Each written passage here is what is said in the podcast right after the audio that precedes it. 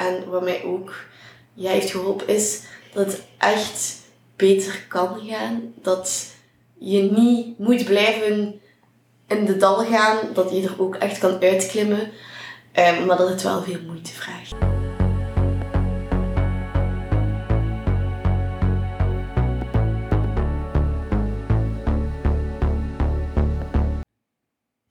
En welkom bij een nieuwe aflevering van onze podcast. Vandaag is het weer tijd voor een nieuwe getuigenis. En vandaag eh, mag ik daarvoor Irene verwelkomen. Dag Irene. Hallo. Um, Irene is eigenlijk momenteel een student aan de middelbare school. Is net 18 geworden, of officieel 18 geworden. Um, en heeft zelf een eetstoornis gehad, uiteraard. Daardoor ook hier op de podcast. En een combinatie met een depressie. Um, eerst en vooral Irene, ja, ik omschrijf het hier zo heel plastisch, om het zo te zeggen. Maar zou je het eventueel zien zitten om al een deel van jouw verhaal te delen? ja, zeker. Het is allemaal een beetje begonnen in Ehm, net voor corona. Toen wilde ik naar het CLB-onderzoek moeten gaan en toen moest ik daar op de weegschaal gaan staan. Ehm, en dat was voor mij een heel confronterend moment, uh, waardoor ik ook in de verdere periode dan ben beginnen letten op wat ik begon te eten en zo van die dingen. En corona heeft dat er niet veel beter op gemaakt, want toen was alles geïsoleerd. En toen ben ik eigenlijk dieper en dieper in de eetstoornis gevallen, zeg maar. Um, dan is dat zo een tijdje gebleven met continu naar beneden te gaan. Dan ben ik opgenomen geweest, um, ben ik op ontslag gegaan. En, en misschien een leuke side note, vandaag is het officieel één jaar uit ontslag. Dus dat is misschien ook al iets tofs om te zeggen. Ja, dat is waar. Sorry voor het onderbreken. is geen probleem, is geen probleem. En toen ben ik verder aan de slag gegaan, um, buiten opname dan, ambulant. En dan zit ik hier nu zo'n beetje bij Lotte. Um, en als je zo het aan het vertellen bent, kan je mij zelf eens vertellen van die depressie. Was dat iets wat dat eerder voor de eetstoornis al wat aanwezig was? Was dat eerder tijdens de eetstoornis, na de eetstoornis? Of hoe moet ik dat dan bekijken? Dat is super moeilijk om te zeggen wanneer dat, dat precies is gestart, want dat is er zo wat ingevlogen. Um, dat is zo heel onverwacht erin gekomen. Niet dat ik zo kon zeggen van, ah ja, dan was het echt dat. Omdat dat soms ook heel moeilijk is om te weten van, is het nu een eetstoornis, is het nu een depressie? we zitten nu gewoon in puberfase. Um, dus ja, dat is een beetje moeilijk, maar ik denk wel dat erbij is gekomen terwijl ik nog mijn eetstoornis had, dus er zo wat tussen. Het was niet dat ik eerst een depressie had, het was ja. eerst de eetstoornis. Iets, eetstoornis, oké. En heb je het gevoel dat er dan zo bepaalde factoren waren die ervoor gezorgd hadden dat die eetstoornis meer tot ontwikkeling kwam en dat er misschien mee toegeleid hebben dat die depressie er dan ook bij kwam? Of was het eerder, want we zien dat inderdaad als bij de symptomen van een eetstoornis dat we ook depressief kunnen zijn of een depressie kunnen hebben. Maar ja, dan vraag ik me af van, is het dan gewoon dat depressief gevoel? Want heb je het gevoel, mijn eetstoornis wordt beter, die depressie wordt beter? Of heb je het gevoel dat dat nu wel twee losstaande dingen zijn? Bij mij is eerder als ik bijvoorbeeld op mijn eetstoornisvlak, als ik mij wat beter voel, dat mijn depressie dan weer naar de voorgrond gaat komen. Dus dat ik eigenlijk zeg maar twee copingmechanismes heb. Ja, twee niet zo gezonde copingmechanismes. Um, dus daarin merk ik wel het verschil. Maar soms is het gewoon zo moeilijk om te zeggen van, is het nu de eetstoornis of is het nu de depressie? Um, omdat, ja, dat is heel moeilijk om die te onderscheiden van elkaar. Die vloeien een beetje samen, zeg maar. Ja, oké. En je spreekt zelf heel duidelijk over copingmechanismes. Um, bedoel je daar dan mee van, ik voel mij slecht en dan grijp ik soms naar mijn eetstoornis of een ander ongezond copingmechanisme om daarmee om te gaan? Of heb je het gevoel dat het niet altijd vanuit een slecht gevoel komt? Um, mijn eetstoornis denk ik dat dat minder zo... Dat ik daar... Allee, dat is ook zo, maar dat dat meer gewoon het algemene is. En dat ik merk van, ah ja, ik moet werken aan mijn eetstoornis. Dus dan, en als er dan iets gebeurt, dan ga ik eerder grijpen naar het andere copingmechanisme. Dus ik denk vooral dat de eetstoornis zo wat het basispakketje is. Ja. En dat um, de depressie zo wat achteraan loopt. Um, maar dat ik daar wel naar grijp als het bijvoorbeeld slecht gaat en ik weet van, ah ja, maar ik mag niet naar de eetstoornis grijpen. Ja. Hoe, hoe bedoel je daar naar grijpt? Dus dat je naar je depressie grijpt? Dan, dan ben ik nee, of dat ik naar iets van de copingmechanismes die bij de depressie horen grijp. Ah, oké, oké, ja. Sorry, ik was even niet mee. Dat is oké, dat is oké.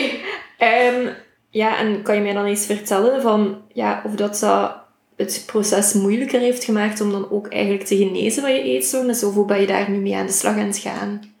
Um, voor mij maakt het het wel moeilijker omdat, zeg maar, je moet vechten tegen één stemmetje, je eetstoornis. Maar voor mij is ook, je moet vechten ook tegen die depressie.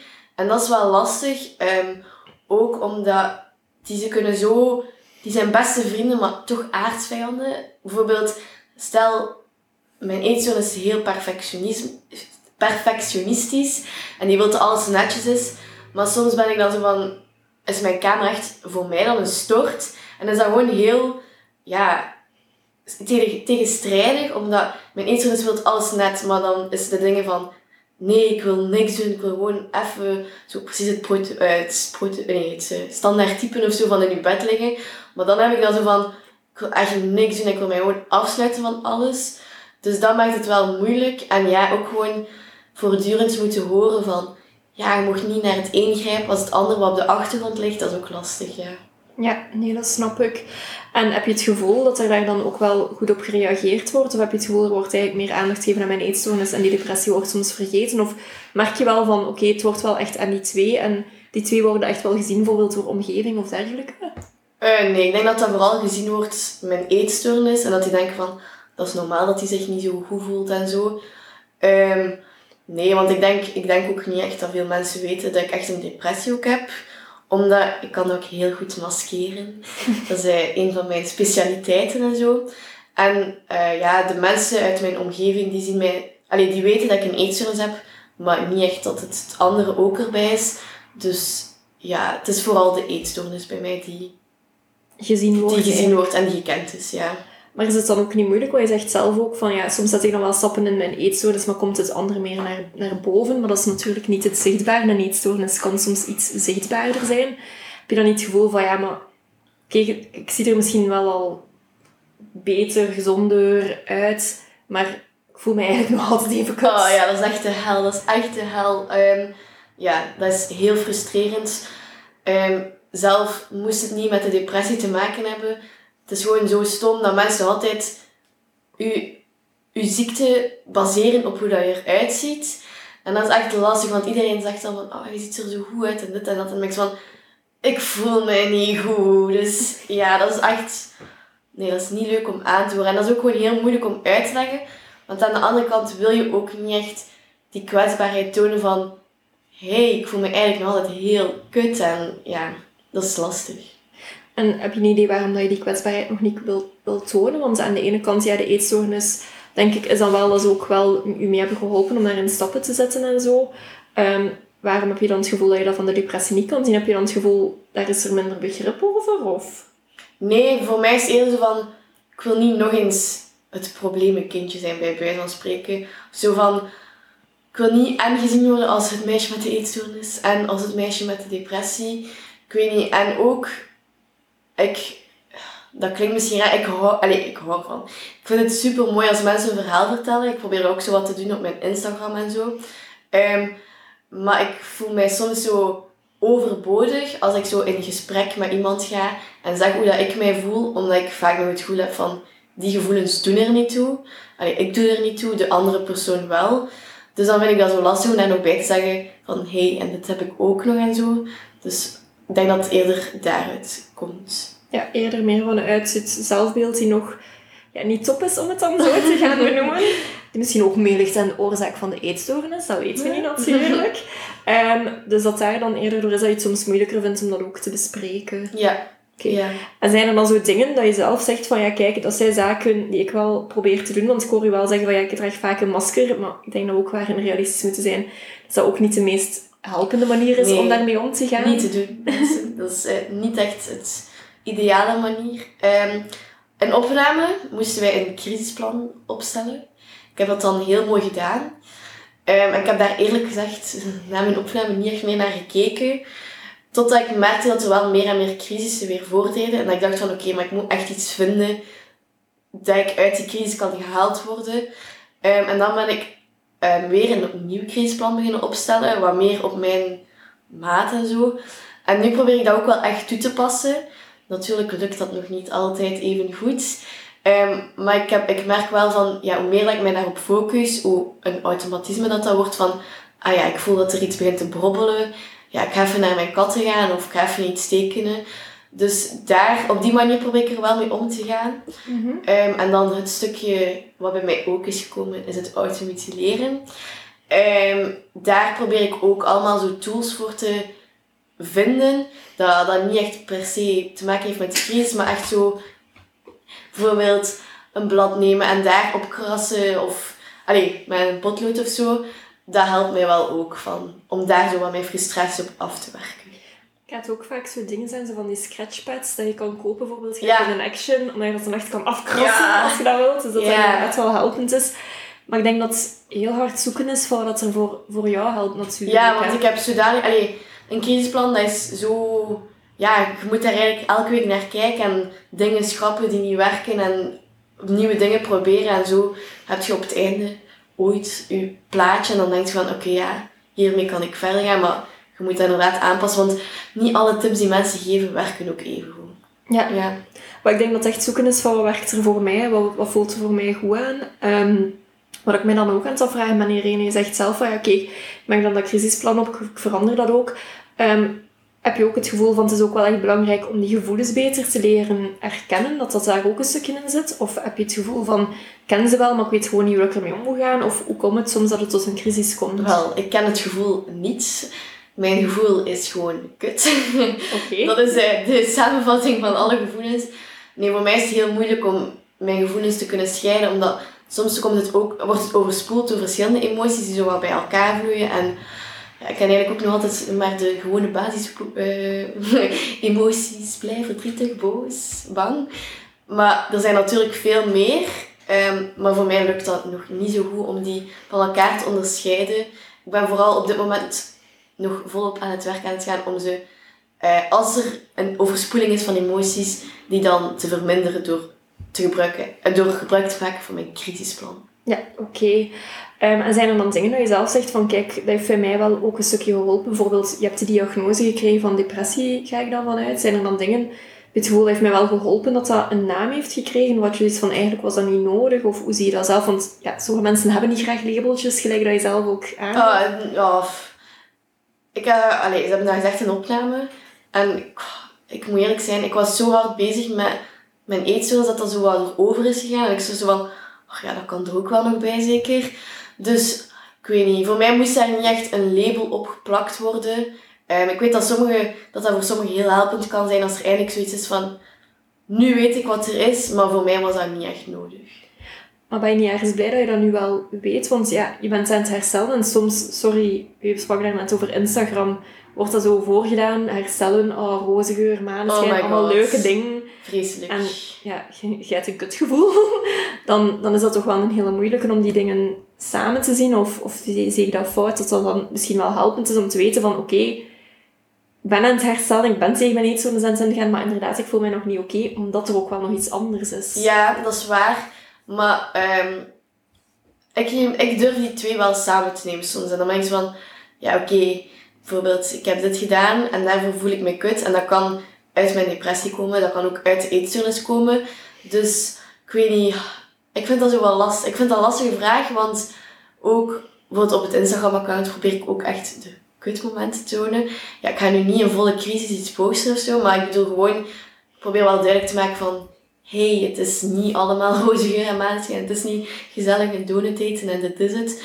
Ja, al die verschrikkelijke gedachten moeten daar ook bijgepakt worden en zo. Ehm, dus ja, ik ben wel blij dat ik weet van... Oké, ja, dit is niet alleen de eetstoornis, het is ook nog iets anders. Maar ah, ik zei dat ook bijna nooit, hè. Dat ik depressie heb. Voor mij is dat gewoon, ah ja, ik heb een eetstoornis. Ik, ik neem dat er zelf niet zo graag bij, ja. En weet je waarom? Ik weet niet, ik durf de naam van de eetstoornis ook nooit uitspreken. Net zoals, ik weet niet, maar dit, depressie, dat klinkt zo hard. Voor mij klinkt dat zo... Omdat, omdat mensen zo'n stereotyp beeld hebben. Dan denk ik van... Ja, ik wil niet dat zij ook denken van mij dat ik zo'n stereotypje ben. Want, allee... Ja, snap je? Ja, nee, ik denk dat ik het inderdaad begrijp dat je zoiets hebt van... Vanaf dat wordt uitgesproken, dan wordt er een bepaald beeld aangekoppeld dat andere mensen denken inderdaad het stereotypebeeld of het typische beeld dat in de media Ugh. komt of in de boekjes en dat, dat dat daarin is dat je dan zoiets hebt van ja, maar als ik dat dus ga zeggen, gaan mensen denken dat dat is, maar dat je misschien ook voor jezelf voelt van ja, maar ik ben dat stereotypebeeld niet, dus kan ik dan wel dat naampje gebruiken bij wijze van Ja. spreken, zo meer op die manier. Ja, en ook zo... ik vind het ook niet leuk als gezien te worden als iemand iets mentaal allee, lastig heeft. Ik sta me er wel voor open om erover te praten en zo. Maar ik wil gewoon altijd gezien worden als Irene die een toekomstplan heeft en dit en dat. En niet als Irene die nu depressief is en een eetstoornis heeft en dit en dat. Dat is gewoon, ja, voor mij hoeft dat niet. Ja, oké. En heb je dan zo zelf dingen dat je aan het denken bent van, oh ja, toen dat ik mijn eetstoornis had of toen dat die depressie erbij kwam, dat ik eigenlijk wel graag gehoord. Maar je zei zelf van, ik probeer ook wel, ja, voor mij helpt het wel zo verhalen en zo. Er dan dingen dat jij graag had willen horen, dat je denkt van, oh, nu kan ik dat misschien een keer geven aan iemand die luistert, om die misschien wat hoop te geven? Ehm, ik weet, ja, wat mij echt zou geholpen hebben, is gewoon om het gehoord te hebben van, het is oké om eens echt niet goed te voelen. Je moet je eens een dag of een week rot voelen, dat is oké. Je moet niet direct hup zijn. En ja, ook, je moet niet minimaliseren. Uh, het is niet allemaal happy, joy, joy.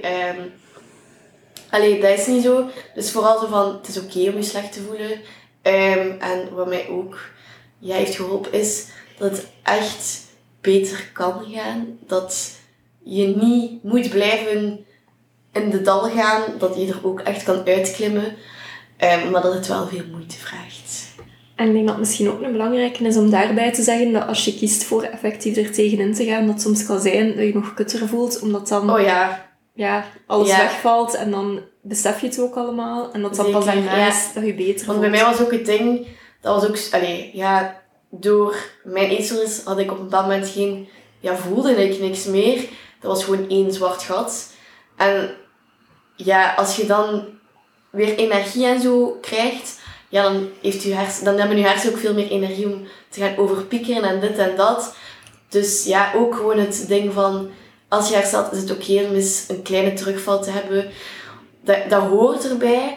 Um, en uit mijn ervaring zou ik ook zeggen dat het echt belangrijk is om te praten over hoe je je voelt, of wat er in je opgaat, want dat opkroppen eigenlijk alleen maar het probleem groter kan maken of een tien keer zo grote crisis kan veroorzaken dan als je het niet zou opkroppen. En vind je het dan soms niet moeilijk om met mensen te praten? Um, wel. uh, nee, jawel. Um, ik vind het, ja, ik praat makkelijker met mensen waarvan ik weet van, die praten ook open over hoe dat zij zich voelen en hoe dat, wat dat er in hun omgaat. Ik vind het moeilijker om te praten met mensen die zelf precies het perfecte leven leiden of die er zelf niet open over praten, omdat je dan alleen voelt in je gevoelens. Daarom zeg ik niet dat je bij een lotgenoot moet gaan praten, maar bijvoorbeeld iemand die het moeilijk heeft op school of zo, dat vind ik leuker, ah, leuker, ja, makkelijker om mee te praten, omdat je dan ook zo'n beetje vertrouwen hebt, hè, ja. Dus, maar ik ga niet zeggen dat ik tegen Jan en alle man ga binnen zeggen van, oh, ik me nu echt kut vandaag. Allee, dat nu wel. Ja, want ik vond het raar omdat je daar net zei over dat masker. En dan dacht ik van, hmm, toch een beetje raar dat we nee, nee, nee. kunnen praten. Het was ook een tip, hè. Oké, dat is Die ik zelf ook aan het proberen ben. dan is het goed. Um, wat ik mij dan ook gewoon nog aan het afvragen ben, is zo... Ja, we hebben vaak ook mensen die bijvoorbeeld niet er zelf in zitten, maar meer in, in de omgeving. Zijn er zo dingen dat je zelf zegt van... Ja, naar de omgeving toe, dat zijn zaken van... Probeer daar misschien mee op te zetten, om dat te zeggen. Als bijvoorbeeld je zoon of dochter een eetstoornis heeft in combinatie met een depressie. Of dingen dat je zelf zegt van, dat zijn ze van die zaken dat ik vaak hoor, maar ik me gewoon heel slecht bij voel. Oh, je moet niet altijd zo doemdenken. Ja. Ja. Kijk, ik zou dat wel willen dat ik niet doemdenk, maar... Ja, dat is, dat is een van de... Oh, of, je moet niet altijd zo het negatieve zijn. Of ja, bekijk het een keer positief. Ja, dat zijn zo oh, uitspraken dat ik zo denk van... Ja, maar dat probeer ik, maar leg het mij uit hoe dat het niet komt. Allee, ja, dat zijn van die dingen of... Ja, maar je mocht het niet zo negatief zien en dit en dat. En ik van... Ja, maar als dit voor mij negatief aanvoelt, dan kan ik dat niet door één woord te zeggen veranderen. Dat is net zoals de zin die zo stereotyp is van eet gewoon. Ja, moest het allemaal zo makkelijk zijn? Nog nooit aan gedacht. Nee, wow. Allee, ja, snap je? Zo van die, denk, zo van die dingen van... Of zo van, ja... Maar het is niet zo erg. Iedereen maakt wel een keer zo'n ambetante periode mee. Ja, ik weet het. En alle respect. Maar het is niet hetzelfde, ja. Maar ik denk ook gewoon dat zijn vaak dingen dat je zelf geen boodschap aan hebt op dat moment. En dat je het gevoel hebt van op dit moment niet helpend. Nee, inderdaad. En ook niet iedereen wil de hele tijd over zijn emoties praten. En zo denk van, maar praat een keer met mij. Probeer dan gewoon samen naar een oplossing te gaan van hoe kan ik het wel communiceren, maar hoe is het ook op het tempo en de ja, comfortzone van de persoon die met het probleem struggelt. Ja. Ja. Zoals bijvoorbeeld iets opschrijven of zo. Oké, want je zei ook wel van de, de opmerking van, ja, denk gewoon een keer positief of dit of dat. Is dat dan ook niet zo moeilijk, omdat het dan, ja, we zijn het net dat je heel moeilijk je gevoelens kan herkennen, maar dat dat ook zo'n beetje zo bijna het gevoel geeft van, oei, is mijn gevoel niet oké misschien, of mag ik dat niet voelen, en dat je daar dan nog meer over je gevoelens gaat twijfelen, of dat niet. Ja, ja, vooral zo het ding van... Of, ja, ik mag me niet zo voelen. Of, ah ja, bij mij is het inderdaad niet zo erg als bij sommigen. Allee, zo, dan komt ook weer zo dat vergelijken van... Ah ja, maar ik mag inderdaad niet klagen, want ik heb dit en dit en dit wel. Ja, dat is ook zo van... Ja, ja, inderdaad. Ja, zo van... Ja, de twijfel van... Ah ja, oké, maar deze emotie is ook niet goed. Oké, ja. En dan is het van... Ja, maar welke emotie is het nu? Welke emotie is zogezegd negatief? Dus ja, dat is inderdaad ook wel... Ja, Zo extra. Ja. Oké. En heb je anders zo zaken dan naar de omgeving toe, dat je kan zeggen van, oh, misschien is dat een tip om te geven naar hun toe, want daarnet was een tip natuurlijk voor de mensen zelf, maar ik denk ook als omgeving dat we soms een keer iets hebben van, hey, wat kan ik hier nu een keer doen? Ik denk, zoals ik net zei, echt op het tempo werken van ja, de persoon die ermee struggelt. Want overhaast aan dingen beginnen, ja, dat, dat staat gewoon op mislukken. Ja. Dus echt zo en samen op zoek gaan van, oké, maar hoe kunnen we er wel mee bezig zijn met emoties? Maar hoe kan ik ook wel niet de therapeut over, eh, allee, Overnemen. Ja, overnemen. Bijvoorbeeld, ik zeg je maar iets, iets super stom bijvoorbeeld, maar zo een, we kennen allemaal in de kleuterklas onze emotietrekker. Dat je zo een wasknijper moest zetten, hoe dat je je voelde. Nooit van gehoord, maar Nee? oké. Ja, wel. ehm, dat was dus bij mij zo. Zo wasknijper en dan kon je zo zeggen van hoe dat je voelde. En dat is wel zo een subtiele... Allee, subtiel. Ja, iedereen ziet het. En het is niet dat je er per se op moet ingaan of zo. Maar je weet wel van, oké, bijvoorbeeld als deze persoon mijn pot af, allee, afsnauwt, dan kan het wel daardoor liggen. Dus dat is misschien wel een onnozele, maar wel helpende truc of zo. Ehm, en ja, ik weet niet, ik ben een beetje aan het denken. Het is ook natuurlijk waar je zelf zo'n beetje het gevoel hebt, zei Irene, van dat zijn dingen dat ik weet, dat, dat voor mij echt wel helpend werken. Maar gelijk dat je zegt, eigenlijk op eigen tempo gaan, ruimte geven om je emoties te mogen hebben en er mogen zijn, denk ik, zijn al hele mooie dingen om, om te doen. En ik denk ook, allee, dat is dan misschien een tip die ik zou zeggen, het echt wel laten blijken aan de mensen van, kijk, je mag zelf aangeven wat dat je wilt en wat het er lukt. Dat het niet is van, ik denk dat praten het beste is, dus we gaan altijd praten. Nee, nee. Dat eigenlijk echt is dat vanuit de persoon zelf komt van, kijk, maar daar voel ik mij gewoon oprecht oké bij. Mhm.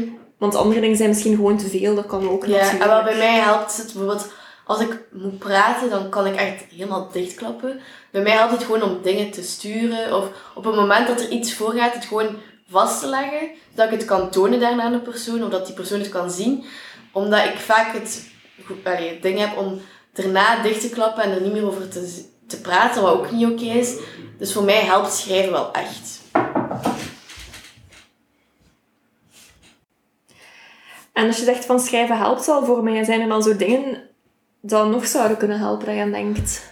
Wel, ehm, iets super onnozel misschien, maar ik ben super fan. Allee, super fan is dubbel, want TikTok. ehm het daar een heel donkere kant aan, maar het daar ook de happy, positief, ehm, golden retriever kant aan, bij wijze van spreken. En mij helpt het gewoon super hard om een grappige sound op te nemen en daar dan een verhaal in te zetten. En dan moet je dat dus nooit niet doorsturen, maar ik stuur dat dan wel door naar Lotte. En dan kan die er een beetje amuseren. Maar dat helpt mij ook gewoon zo van... Ik weet niet, ik, oh, ik ben echt de persoon die er zo wat humor aan, eh, aan verbergt. hè, Ja.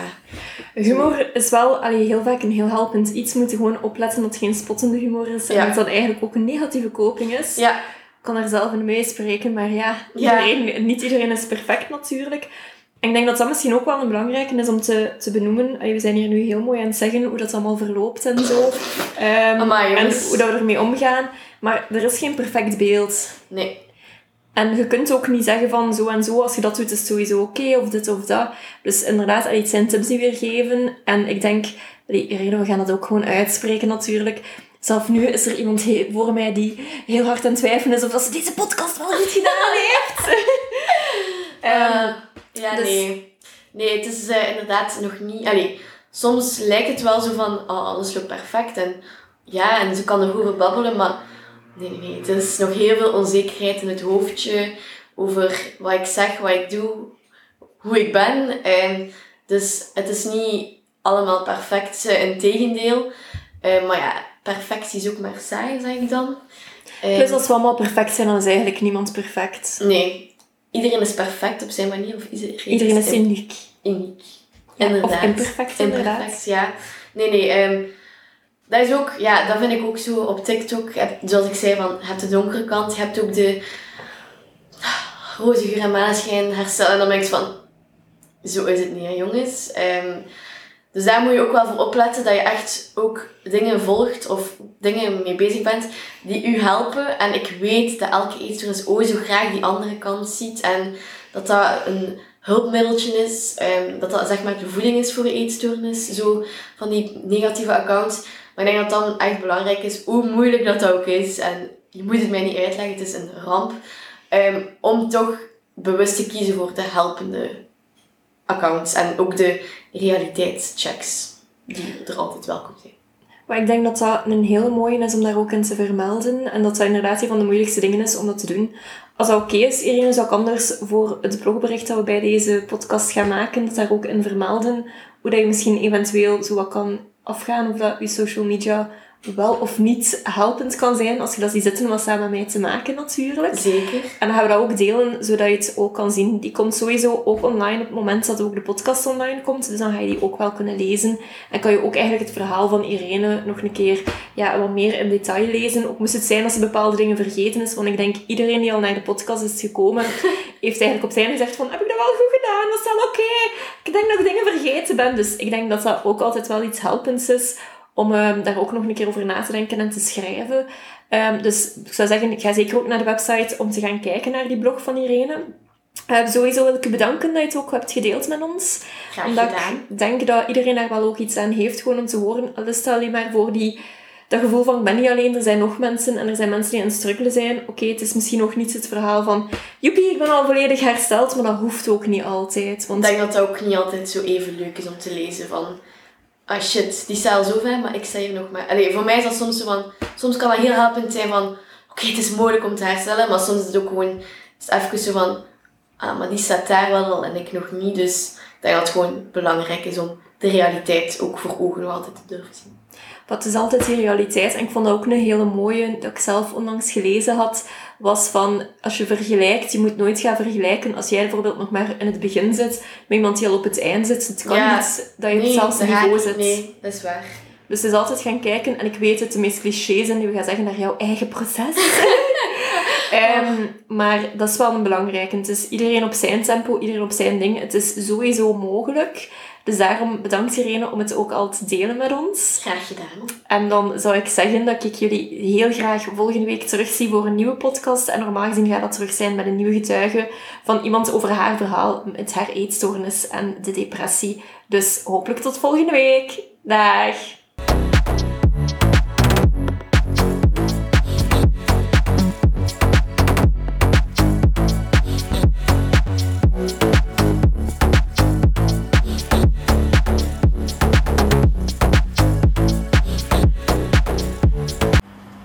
We weten dat dit natuurlijk geen makkelijk onderwerp is om over te praten, of dat het misschien eventueel gedachten of gevoelens naar boven heeft gebracht.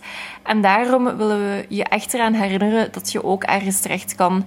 De mensen van AWEL staan eigenlijk altijd klaar om je verder te helpen. Het kan zijn een belletje of via de chat, maar je kan ook natuurlijk altijd bij ons terecht um, op de vrijdagavond als je vragen hebt of ergens mee zit. Dus je bent zeker niet alleen en vergeet dat ook niet.